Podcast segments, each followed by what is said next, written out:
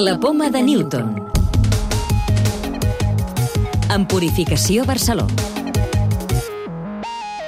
Un anticòs de nova generació permetria tractar tumors resistents a la immunoteràpia. Serà el tema central del programa d'aquesta setmana, en el qual també us parlarem d'una altra estratègia per exposar els tumors i combatre'ls i descobrirem un test per detectar en saliva l'artrosi de genoll. Investigadors de l'Institut d'Oncologia Vall d'Hebron Bio participen en un estudi per tractar tumors que ara no responen a la immunoteràpia amb una estratègia basada en un anticòs.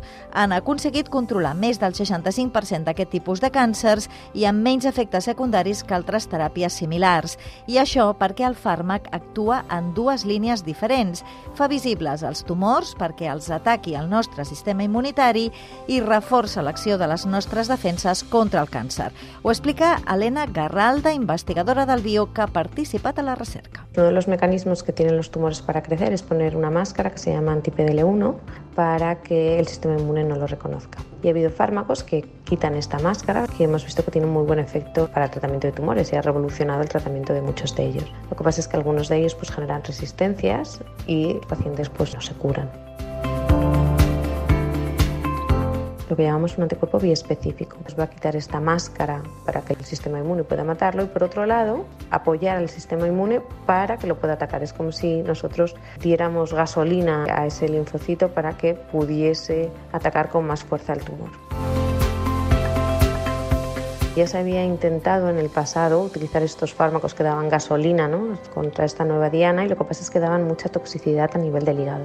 Lo que hemos visto con este fármaco, que tenemos menos toxicidad porque activamos principalmente los linfocitos, el sistema inmune en, donde está el tumor y no de manera más indiscriminada. Y por otro lado, conseguimos revertir las resistencias a la inmunoterapia Aquests resultats fan pensar als responsables de l'estudi que l'anticòs pot omplir un buit clínic per tractar tumors poc sensibles a la immunoteràpia en el futur.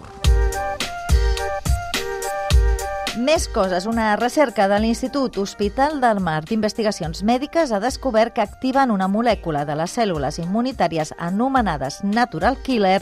Aquestes poden tornar a veure els tumors i eliminar-los. Aura Montesell és investigadora del grup de recerca d'immunitat i infecció d'Hospital del Mar. Els linfòcits NK tenen una molècula en la seva superfície que si l'activem els fa resistents en aquests mecanismes supressors dels tumors de manera que poden continuar reconeixent-los i atacant-los. La Fundació Internacional de Pacients amb Artrosi, l'OAFI, ha desenvolupat un test que és capaç de detectar en saliva la presència dels vuit gens relacionats amb l'artrosi de genoll. El test pot ser útil perquè els afectats puguin començar la prevenció de manera precoç, ho explica Josep Vergés, president de l'UAFI. És un test amb saliva, és un test únic i que si tu tens els 8 gens, amb una probabilitat d'un 82% acabaràs amb pròtesi de genoll. Per tant, això és molt important per veure quina activitat has de fer, quina alimentació has de fer. Per exemple, fer una condroprotecció.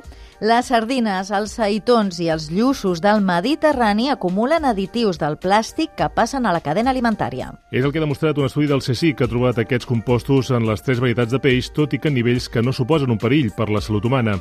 Algun dels compostos estudiats s'ha demostrat que poden tenir efectes tòxics en el sistema nerviós i endocrí i també poden afectar el sistema reproductor o incrementar el risc de càncer, tot i que els nivells no eren alarmants. Llibres de ciència. Aquesta setmana us recomanem un llibre que ens dona pautes per enriquir la nostra flora intestinal que té un paper molt important en la nostra salut. La ciència de la microbiota de la divulgadora científica Cristina Saez combina informació per conèixer millor els bacteris del nostre microbioma amb informació molt pràctica per tenir una flora intestinal sana. Hi trobarem dades sobre els últims avenços científics vinculats amb la microbiota, però també consells per aplicar aquests descobriments al nostre dia a dia i fins i tot receptes per tenir cura dels nostres bacteris.